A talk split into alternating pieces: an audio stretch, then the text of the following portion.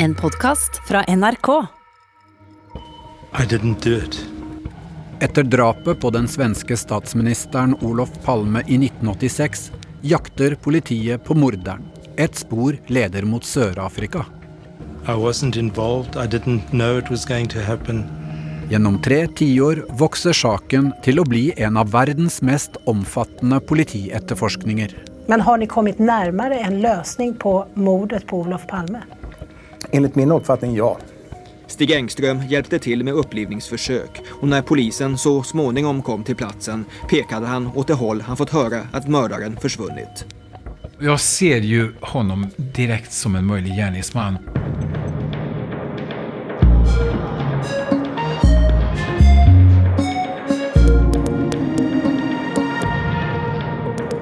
Du hører tredje og siste del av miniserien 'Hvem drepte Sveriges statsminister?' av Lovisa Lam Nordenskjøl. Norsk kommentar ved Kaja Frøysa.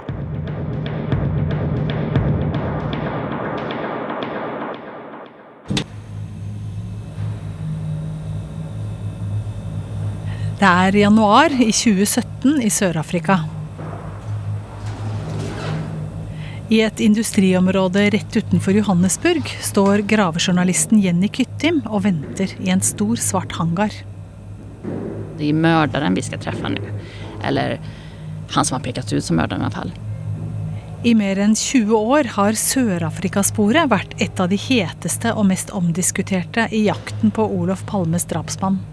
Det her er jo en supermanipulatør som har vært både spion og gått undercover under flere år.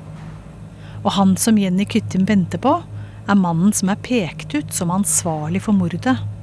Nemlig den kriminelle mesterspionen Craig Williamson, som jobbet som politimann under apartheidregimet.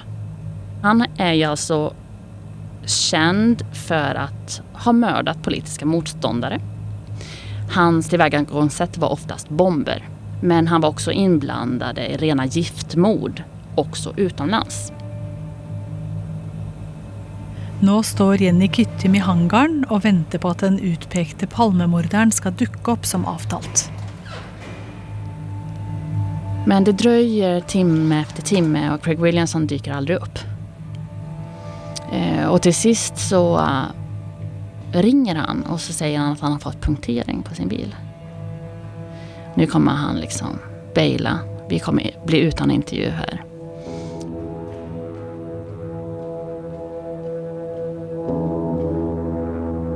Det er mer enn ti år siden Olof Palme ble drept på åpen gate i Stockholm. Palme var en av de fremste talsmennene for sanksjoner mot Sør-Afrika og en aktiv apartheidmotstander.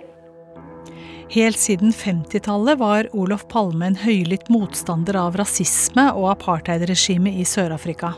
Det er en krass og fornedrende ideologi.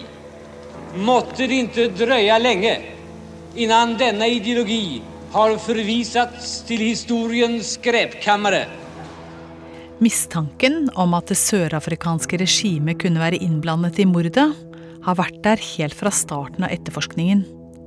Men det er først ti år etter drapet at dette sporet blir fulgt opp for alvor. Under en rettssak i den sørafrikanske byen Pretoria blir apartheidregimets mesterspion Craig Williamson pekt ut som den ansvarlige. Presidenten i Sør-Afrikas nasjonalforsamling er på norgesbesøk. Finner hun påstandene troverdige? Yes, uh, it's possible. It's certainly possible. Det er september i 1996, og nyheten går verden rundt. Given the significance of Olaf Palme to the South African struggle, the kind of support he gave to it, the apartheid regime would certainly have seen him as a major player Styrkan med Sydafrikaspåret har alltid gjennom alle år vært just motivet. Det fanns et motiv for den sydafrikanske regimen, den hvite apartheidregimen, at mörda Olof Palme. Den kjente svenske krimforfatteren Stig Larsson gjorde sin egen private etterforskning av Palmemordet. Da han døde i 2004, etterlot han seg et arkiv med hemmeligstemplet materiale som Jenny Kyttim får tilgang på. Alltså Stig Larsson blev ju besatt faktiskt utav att utreda Palmemordet. Han ägnade sammanlagt säkert flera år til å gjøre det. For Stig Larsson, som var journalist og til vanlig jobbet med å kartlegge høyreekstreme grupper, var det naturlig å vende blikket mot Sør-Afrika. Og eh, precis som han var veldig fascinerad av Sverigedemokraterna så var han også ekstremt intresserad av de sydafrikanske agenterna. Og eh, det fanns også samtida rapportering kring at det fanns poliser i Sverige som åkte til Sydafrika og umgicks med de her sydafrikanske agenterna. Så ett av delspåren när det gäller Palme har alltid handlat om huruvida poliserna har varit involverade eller inte. Och då oftast i kombinasjon med sydafrikanske agenter. Det som også gjør Sør-Afrika-sporet interessant, er at Olof Palme bare én uke før han ble drept, deltok på en stor anti-apartheid-konferanse i Stockholm. I et fullsatt Folkets hus er Olof Palme hovedtaleren. Olof Palme kom inn alldeles for sent med sin fru, uh, uten livvakter og virkelig høyde røsten og virkelig fördömde landet og menade at apartheidregimen kan strypas i Sydafrika om vi alle står opp imot den, men vi måste si ifrån. I grunden er dette en eh, djupt emotionell fråga som djupt berör våra känslor. Därför att det är ett sånt sällsynt vedervärdigt system. Det har også pratats om at man tror at det fanns agenter fra Sydafrika med på det her møtet i Folkets hus i Stockholm. Men det har egentlig aldri kunnet bekreftes. I Stig Larssons arkiv fester Jenny Kyttim seg ved én liten detalj som hun har tenkt mye på. Nemlig det at vitner har sagt at Olof Palmes morder hadde på seg tynne pensko. Lågskor på svensk. Lågskor, skrev Stig Larsen. Hvorfor det? Det her kan bare betyde at gjerningsmannen bor i nærheten. Eller at han jobber någonstans i nærheten. Og just de her lågskorna kunne jeg aldri slippe. Det kunde jo stemme inn på noen sydafrikan som kom plutselig til Sverige i februari liksom, og ikke fattet klimatet. Hva vet vi? Finns det noen sydafrikanske agenter i Sverige? Hvem var der sist? Og den enda gemensamme nämnaren med Sydafrika er varenda gang Craig Williamson. I 1996 blir Craig Williamson et navn på alles lepper. Craig Williamson er 47 år gammel, son til en skotsk gummihandlare, men oppvoksen i Johannesburg. At denne store, fete mann med utstående framtenner og burdust, bullrende skratt skulle ha vært apartheidregimets mesterspion, det er svårt å tro når man ser honom. Presidenten i Sør-Afrikas parlament får spørsmål om det er mulig at Craig Williamson kan knyttes til mordet på Palme. This uh, super spy, Craig Williamson, uh, would you find it likely that he could be involved in such a crime? Certainly in the planning and organizing of it, because it fits in with other things that he has done and been involved in. There have been bombings. There have also been, he's been part of a network which had very close mafia links. På 80-tallet er Craig Williamson operativ sjef for spionasje og utenlandske operasjoner. Men han er også leder for apartheidregimets dødsskvadroner, som dreper politiske motstandere. Og Craig Williamsons historie med Sverige går langt tilbake. Williamson var en av Sør-Afrikas mest nyttige spioner, og han infiltrerte anti-apartheid-grupper i utlandet. Innan han ble kjent som The Super Spy, så jobbet han nemlig undercover gjennom å infiltrere det sosialdemokratiske partiet i Sverige. På slutten av 70-tallet infiltrerte Craig Williamson en anti-apartheid-organisasjon som sendte penger til frigjøringsbevegelsen ANC i Sør-Afrika. Han utga seg for å være antirasistisk aktivist, og kom på den måten tett på høytstående svenske sosialdemokrater, som donerte store beløp til frigjøringsbevegelsen. Og under alle årene så spekulerte man alltid kring hvorvidt det var Craig Williamson selv som hadde holdt i pistolen liksom, for å myrde Olof Palme. Tilbake til januar 2017 i hangaren utenfor Johannesburg, der Jenny Kyttim venter på å få konfrontert Craig Williamson. Jeg er der for å spørre honom om han befann seg i Sverige 1986. Jeg er der for å spørre honom hva han har for bevis for at han ikke befann seg i Sverige 1986. Det viser seg at bilen hans faktisk var punktert, og nå dukker han opp likevel. Så når han kommer og går ut ifrån sin jeep, da er han svettig. Ehm, han ser ut som en mann som har gått gjennom en fetmaoperasjon. En veldig stor mann, men fortfarande veldig liten. Og eh, han kommer med en bunt med eh, plastmappar under armen. I didn't do it. I wasn't involved. I didn't know it was going to happen. Men Craig Williamson nekter for at han har hatt noe med drapet på Olof Palme å gjøre. I have spent 30 years being told all sorts of different stories about how I'm connected to it, and every single one of them is nonsense. Jag tänker att hans svar är lika mycket sanning som lögn. Det går inte att veta. Det kommer ingen nye svar etter Jenny Kyttims konfrontasjon med superspionen. Men å andra sidan så har inte heller jag under den tiden som jag lagt på att eh, utreda Sydafrika faktiskt hittat några spår som knyter noen sydafrikan til Sveavägen. Stig Larssons teorier og spor om Sør-Afrikas innblanding forblir et mysterium. Og da er det klart at da kjenner seg mange kallade. Forfatter og journalist Jan Guillou Och åtskilliga är och mina kollegor i mediebranschen som då eh, hittade på en egen teori och började samla argument för det. Och Det mislykkede politiarbeidet har inspirert både enkeltpersoner, forfattere og journalister til å prøve å løse Palmemordet. Denne største krimgåten av alle. alltså på fullt allvar finns det journalister som för, har framfört teorin om att Palme begick självmord. Eh, Att Lisbeth Palme var inblandad i detta. At Att Palme hadde aids og at han ville eh, dölja den saken til varje pris. De har tatt på seg rollen som privatetterforskere. Alltså det, det finns ingen gräns for alle de här så kallade privatspanarnas eh, fantasi når det gjelder att eh, hitta den egne mördaren.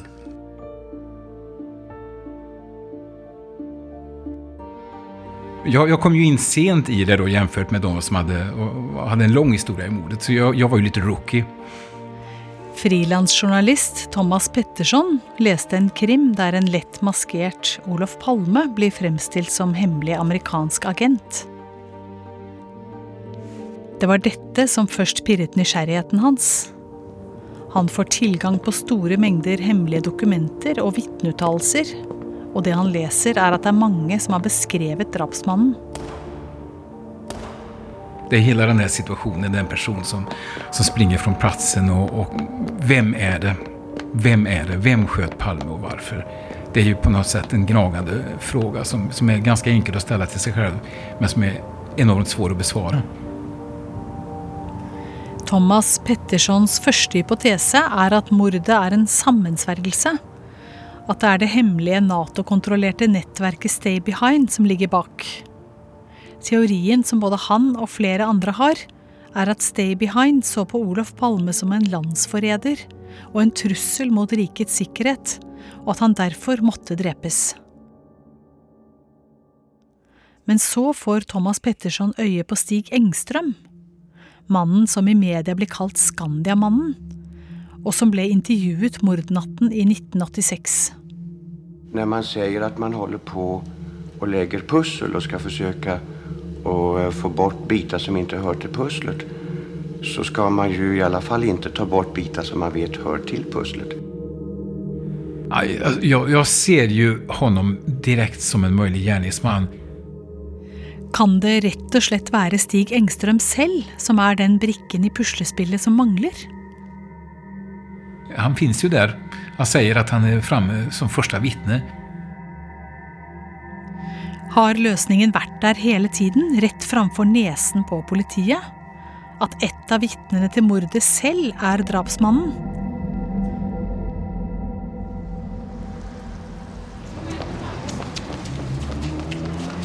Fem uker etter drapet er Stig Engstrøm på TV igjen. Denne gangen viser han reporteren hvordan han springer fram til Olof Palme, som akkurat har blitt skutt. Stig Engström hjälpte til med opplivningsforsøk og når polisen så småningom kom til platsen pekade han åt det håll han fått høre at mördaren forsvunnet. Ifølge Stig Engstrøm tar politiet opp jakten på morderen, og han selv forsøker å løpe etter for å gi et signalement av personen. Han sier at vedkommende hadde på seg en blå vindjakke. Men han når ikke igjen politiet. Han vender da tilbake til drapsstedet, forteller han i TV-reportasjen. Han venter en stund, og drar deretter hjem og legger seg. Dagen efter leste han om mordet i tidningen og tykte se seg selv avbildet som morderen. Engstrøm kontakter politiet fordi han synes signalementet som politiet har gått ut med på morderen, høres ut som en beskrivelse av han selv. Polisens efterlysning i tidningen stemte til store deler overens med hvordan han selv var kledd på kvällen. Keps, stålbågade glasögon, en 80 lång, trekvarts lång jacka. Men han får ikke gehør hos politiet. Polisen var ikke interessert av deg? Nei. Nej, du hade att säga. nej. Trots att du ville påpeka att det var du själv som hade blivit beskriven som mördaren. Ja, men eh, eh, det, det var ointressant. Eh, Det var ett ointresse hele tiden. Når Thomas Petterson begynner å grave i dette merkelige vitnet Stig Engstrøm i 2006, vet han ikke at det til slutt kommer til å ende med en pressekonferanse som hele Sverige kommer til å følge 14 år senere. Første gangen jeg pratet med hans eksfru, så sa hun at han hadde et sånt omåttligt behov av bekreftelse. Stig Engstrøm døde i år 2000, så Thomas Petterson må lete etter svar i arkivene og hos personer som var nære Engstrøm. Og han ville bare bli berømt. Det var, det, var liksom det som, som drev honom. Selv om han søker oppmerksomhet, har Stig Engstrøm en ganske anonym jobb som grafiker i forsikringsselskapet Skandia. Når drapet skjer, er han 52 år gammel og bor sammen med kona i en forstad nord i Stockholm, der høyrepartiet Moderaterna har sterkt fotfeste. Mange av Stig Engstrøms naboer og venner er militære. Det var lite speciellt. Han var ju bara en enkel grafiker på Skandia. Men han hade toppdiplomater och, och eh, höga militärer som kompisar och, och, och, klarade ändå det. Eh, mycket då på han hade en sån fin utbildning i botten som har gett honom många sociala koder. I Täby så smälte han ändå bra in. Stig Engstrøm gikk på den samme anerkjente internatskolen som Palme noen år senere. Han var også en aktiv lokalpolitiker. Omgangskretsen hans beskrives som palmefiendtlig. Statsministeren ble sett på som en trussel mot Sverige, og i partilokalet hang det en darttavle med bilde av Olof Palme. Thomas Petterson får tips om at en av Engstrøms nærmeste venner er våpensamler, og at denne mannen har en Smith Wesson Highway Patrolman, som er den samme typen revolver som kan ha blitt brukt mot Palme. Denne våpensamleren var dessutom også en, en kjent palmefiendtlig Palmefientlig typ. De hadde mye med hverandre å gjøre. Spille bridge og, og Engström gjorde så her fina kollasj og så er liksom kunstnerlige greier til, til denne våpensamleren når han fyllde jevne år og så her, Och Thomas Petterson finner også ut at Stig Engstrøm tidligere både har trent og konkurrert i pistolskyting, og at han har hatt jobb i militæret. Arbeidsplassen hans, Skandia, lå på Sveavegen bare 50 meter fra åstedet. Kvelden den 28. februar i 1986 jobbet Engstrøm overtid. Når han rundt 20 minutter over 11 stempler ut på fredagskvelden, kledd i mørk frakk som går ned til knærne, caps, pensko og med en liten håndveske, havner han midt i sentrum av det som nå skjer.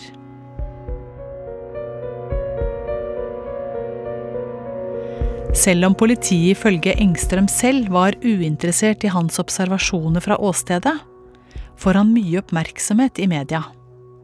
Og når rettssaken mot Christer Petterson går i gang i 1989, er han til og med vitne. Vittnesförhör med Stig Engström. Stig Engstrøm er innkalt av Christer Pettersons advokat for å undergrave Lisbeth Palmes utpeking av Petterson. Advokaten ber Engstrøm beskrive hendelsen. Så kan du berette med egne ord hva du, hva du gjør, og hva du ser og hva du hører. Ja. Jeg følger trottoarens ytterkant. Da hører jeg hva som formodentlig er skott nummer to. Engstrøm ser ikke selve drapshandlingen, men han kommer raskt fram til åstedet. Hva hender? Hva ser du?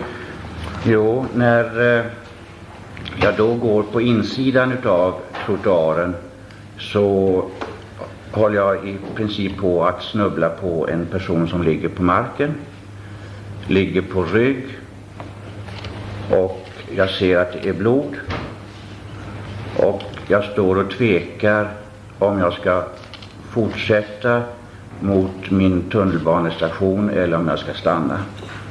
Stig Engstrøm påstår at Lisbeth Palme da skal ha sagt at det var flere gjerningsmenn, og at hun også var blitt skutt. Hun virket litt virrig og flaksig, men jeg hadde et samtale med henne, og eh, så sier hun Forresten så har de skutt meg også.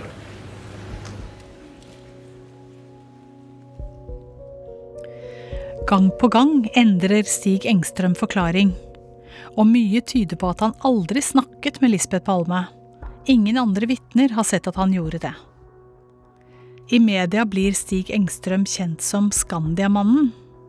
Han skal stadig ha kommet tilbake til Palmedrapet når han snakket med personer som sto han nær. Men at han skulle være gjerningsmannen, har vennene vondt for å forestille seg. Flere venner til ham som jeg har hatt kontakt med, sa at han hadde aldri kunnet vært tyst om det skulle være han som har skutt Palme. Eh, men da tenker jeg, da misbedømmer man det nog litt grann, for at han behøvde jo ikke være tyst. Han tok jo på seg denne rollen som, som vittne. Det passer jo perfekt eh, for en, en gjerningsmann å gå inn i den rollen som det her nære vittnet, som, som, er så nære gjerningsmannen som han til og med forvekslet. For da får han jo også all den oppmerksomhet han vil ha. På 90-tallet går det nedover med Stig Engstrøm. Han forsvinner fra rampelyset, han drikker mye, førtidspensjonerer seg fra jobben i Skandia, han legges inn på avrusing og skiller seg fra kona. Han bor alene, og i år 2000 blir han funnet død hjemme. Rundt ham ligger det tomme esker med sterke smertestillende og en tom whiskyflaske. Han har ligget død i flere dager når han blir funnet. Når jeg begynte ägna meg åt honom så, så såg ju honom som en, en kallhamrad mördare så som, som man ju hade svårt att tycka synd om förstås. Och, och man såg honom som en högermänniska som ju hatade Palme och så här. Men ju mer man har lärt känna honom, desto mer sympati känner man ju för honom. Det, det är liksom den människa det är synd om och som det går illa för i livet och som, som är den där personen som många av oss kanske är rädda för att bli. Att man möter liksom 50-60 åren med och inte ha något liksom. Thomas Petterson tror han vet hvem som er morderen. Han samler inn bevis og gjør mange intervjuer som han skal ha med i en reportasje. Men hos politiet på Kungsholmen i Stockholm sentrum fortsetter etterforskningen. Uten resultater. Det fins så utrolig mye material og spår som man kan følge opp. Dag Andersson var ung politimann da han rykket ut til Sveavegen mordnatten.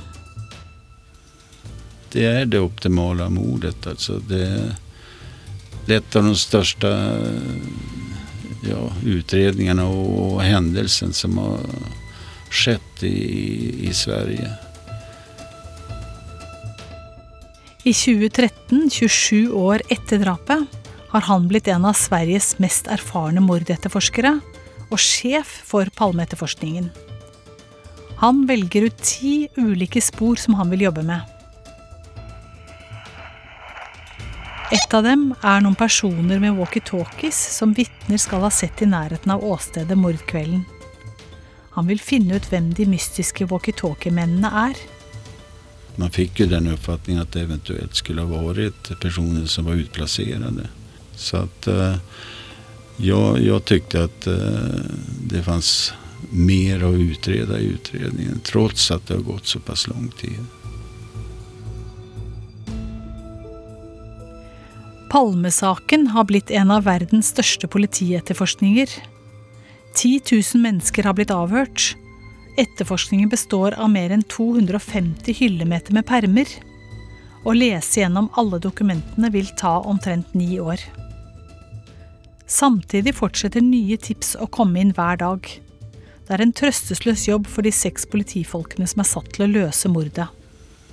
I og med at vi var såpass få så ble det jo mer at man fick fikk inkommande material så att säga och eh, att utreda blev jo ikke prioriterat på det settet som man skulle ha velat.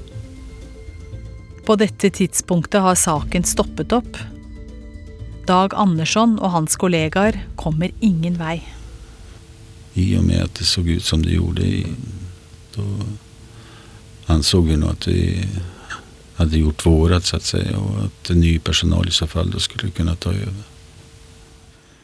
Så Dag Andersson går i protest mot at Palmegruppen ikke får nok ressurser.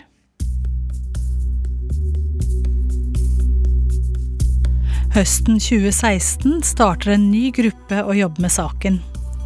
På denne tiden er det få som har tro på at mordet noen gang kommer til å bli oppklart. Det mislykkede PKK-sporet, de to rettssakene mot Christer Petterson og alle de ubesvarte spørsmålene om Sør-Afrika har kjørt folks tillit til politiets arbeid helt til bunns. Den nye etterforskningslederen heter Christer Petterson, til forveksling med den Christer Petterson som var den tidligere mistenkte for drapet. I februar 2020 deltar etterforskeren i et TV-program. Det han sier der, gir alle et nytt håp. Jeg tycker vi arbeider nå med spår som er høyinteressante. och min målsetting er at vi under første halvåret 2020, altså første halvåret i år, kommer å kunne presentere antingen et beslut i åtalsfrågan som går ut på at vi åtaler noen, eller at vi avslutter forundersøkelsen. Men har ni kommet nærmere en løsning på mordet på Olof Palme? Enligt min oppfatning ja. Han sier at han vet hvem som er ansvarlig for drapet. Jeg kjenner meg fortfarande positiv at vi skal kunne presentere hva det som har hendt den 28 februari 1986. Hva det som har hendt? Hvordan da, mener du? Ja, kring, kring mordet og hvem som er ansvarlig for mordet og eh, hur det ligger til. Jeg tenkte at han måtte ha funnet mordvapnet. Forfatter og journalist Jan Guillou. Det går ikke å sitte i TV og si at jeg skal presentere løsningen om man ikke er veldig sikker på sin sak. Det alle spør seg om nå, er om politiet har funnet pistolen. Det har til nå manglet tekniske bevis, som et mordvåpen vil kunne være. Folk spekulerer i hvem Palmegruppen har i sikte nå. Jeg hadde jo svårt å se at det skulle være noe annet enn Engström. Thomas Petterson, som pekte ut Stig Engstrøm som morderen i 2018, blir nå avhørt av politiet. De er spesielt interessert i våpensamleren som Stig Engstrøm kjente. Det fanns jo en mulighet til Sydafrika, det fanns ytterligere noen mulighet. Pluss at det skulle kunne dyke opp der helt uventede. Eftersom denne dagens palmeutredere det lekte jo aldri noe ifrån dem. Så man kunne jo ikke veta. God morgen. I juni i 2020 holder Christer Petterson den etterlengtede pressekonferansen. Eh, nu kommer vi å presentere eh, vårt åtalsbeslut og hvilke slutsatser vi har dratt i utredningen kring mordet på statsminister Olof Palme. Og, Nei, jeg tenkte bare at nå har de fått nye folk, og så, har de, ja, så tenkte jeg at de har fått tips, og de har funnet våpenet. Og dermed så har de klart å spore, spore våpenet tilbake til den som hadde det. NRKs tidligere korrespondent Åge Petter Christiansen følger sendingen. Han har ventet på denne dagen helt siden etterforskningslederen fire måneder tidligere sa at de hadde løsningen. Og det tenkte jeg. Og endelig. Endelig får Sverige hvile. Klokken er halv ti på formiddagen, og alle som har fulgt Palmesaken, holder pusten. Betreffende denne utredningen så anser jeg at vi har kommet så langt som man kan begära av utredningen. Og det som vi kommer å presentere her på formiddagen i dag, er at vi kommer ikke rundt en person som eh, en mistenkt gärningsman. Och den personen är Stig Engström som ju har omnämnts i media som den så kallade Skandiamannen.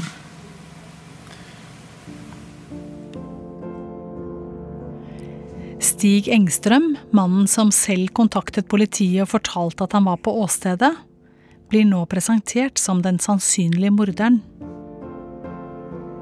I løpet av de to timene pressekonferansen pågår, kommer politiet raskt inn på mordvåpenet og våpensamleren, som er Stig Engstrøms venn. Vi har gjort beslag av åtminstone ett vapen som stemte overens med den eh, kaliber på, eh, som vi mistenker anvendes ved brottsplatsen. Men tyvärr fikk vi ikke et positivt svar ifrån NFC.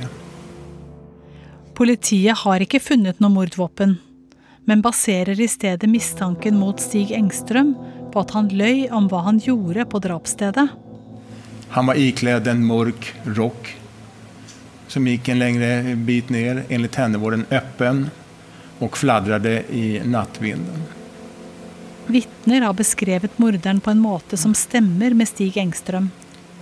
Och det såg dessutom ut som han hade svårt att springa. Han halkade omkring. Etterforskningslederen løfter spesielt fram én iakttagelse. En kvinne skal ha sett gjerningsmannen løpe den antatte fluktveien med en liten veske i hånden som han forsøkte å åpne eller lukke.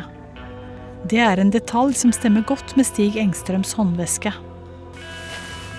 Og man kan fråga seg retorisk hvem som var ikledd en mørk rock, hadde en mindre veske med seg og kom fra et kontorsjobb. Hva jeg mener er at om man har jobbet inne på kontor så har man ikke på seg vinterkjenger, utan kanskje har et par mindre vel lempede ytterskor på fötterna och som skulle förklara att man halkade på en snöklädd trottoar. gjorde den personen i det här sällskapet är Stig Engström. Christer Petterson sier at disse mistankene hadde vært nok for å pågripe Stig Engstrøm og senere eventuelt fått ham fengslet. Men siden Stig Engstrøm er død, så har politiet bestemt at palmetteforskningen skal legges ned. Med motiveringen at eh, den mistenkte er avliden. Takk.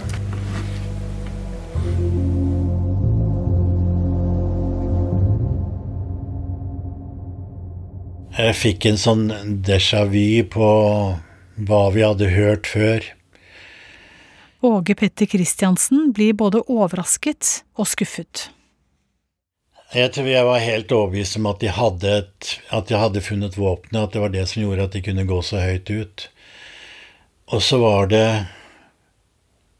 en mistanke de egentlig presenterte på Skandiamannen. Jag skulle inte ens som romanförfattare kunna hitta på den här presskonferensen för den är alldeles för absurd. Jan Guillou er ikke imponert av bevisene som blir lagt fram. Det var alldeles for lite. För, som åklagare måste Christer Petersson ha vetat att den här, det här underlaget han presenterar hadde rekt for anhållande eh, under tre dagar och förhör. Men han hade inte kunnat föra fram eh, den här bevisningen till en domstol och fått Stig Engström häktad, alltså tagen i varetekt. Sveriges Radio intervjuer Olof Palmes sønn Morten etter pressekonferansen. Jag tror också att Engström är den skyldige så att säga. Du tror det? Ja, det tror jag. Men eh, tyvärr så finns det ju inga riktigt konklusiva bevis så att man med liksom 100% säkerhet kan säga att det är han. Mm. Som, eh, om det hade funnits DNA eller ett eh, bindande mellan vapen och en gärningsman. Olof Palmes kone Lisbeth fikk aldri oppleve denne dagen. Hun døde i 2018 og var helt til det siste overbevist om at det var rusmisbrukeren Christer Petterson som var morderen.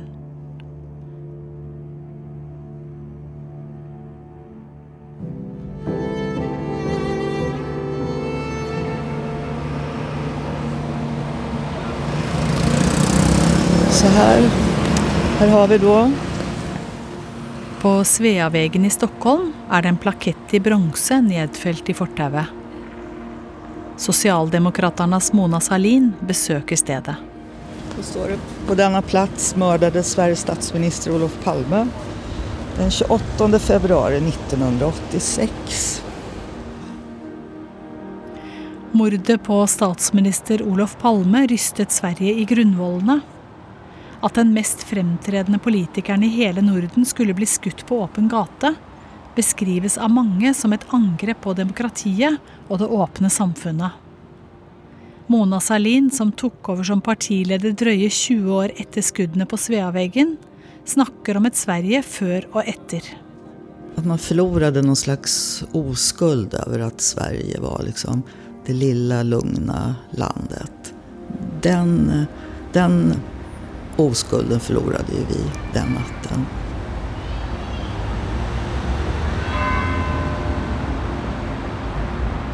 Et steinkast fra drapsstedet ligger Adolf Fredriks kirkegård. Jeg har jo si aldri i Stockholm uten å besøke grava hans. Og ved noen anledninger så har jeg med meg en rose, men det er jeg ikke alene om, for det er alltid et eller annet som har vært og lagt ned roser der.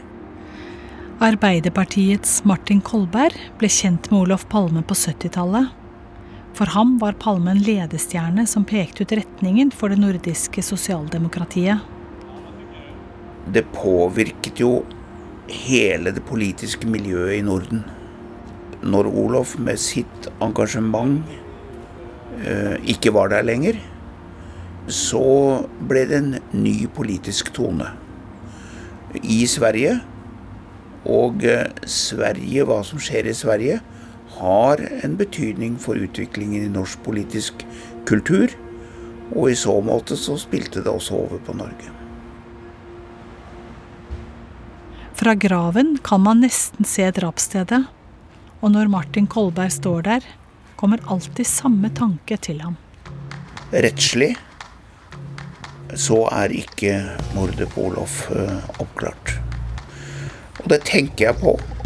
Uh, jeg vet at uh, vi formodentlig, hvis det ikke skjer noe helt spesielt, aldri kommer til å få vite hvem det var som skøyt Olof Palme. Og det kommer jeg til å måtte leve med, i likhet med alle mennesker i Norden.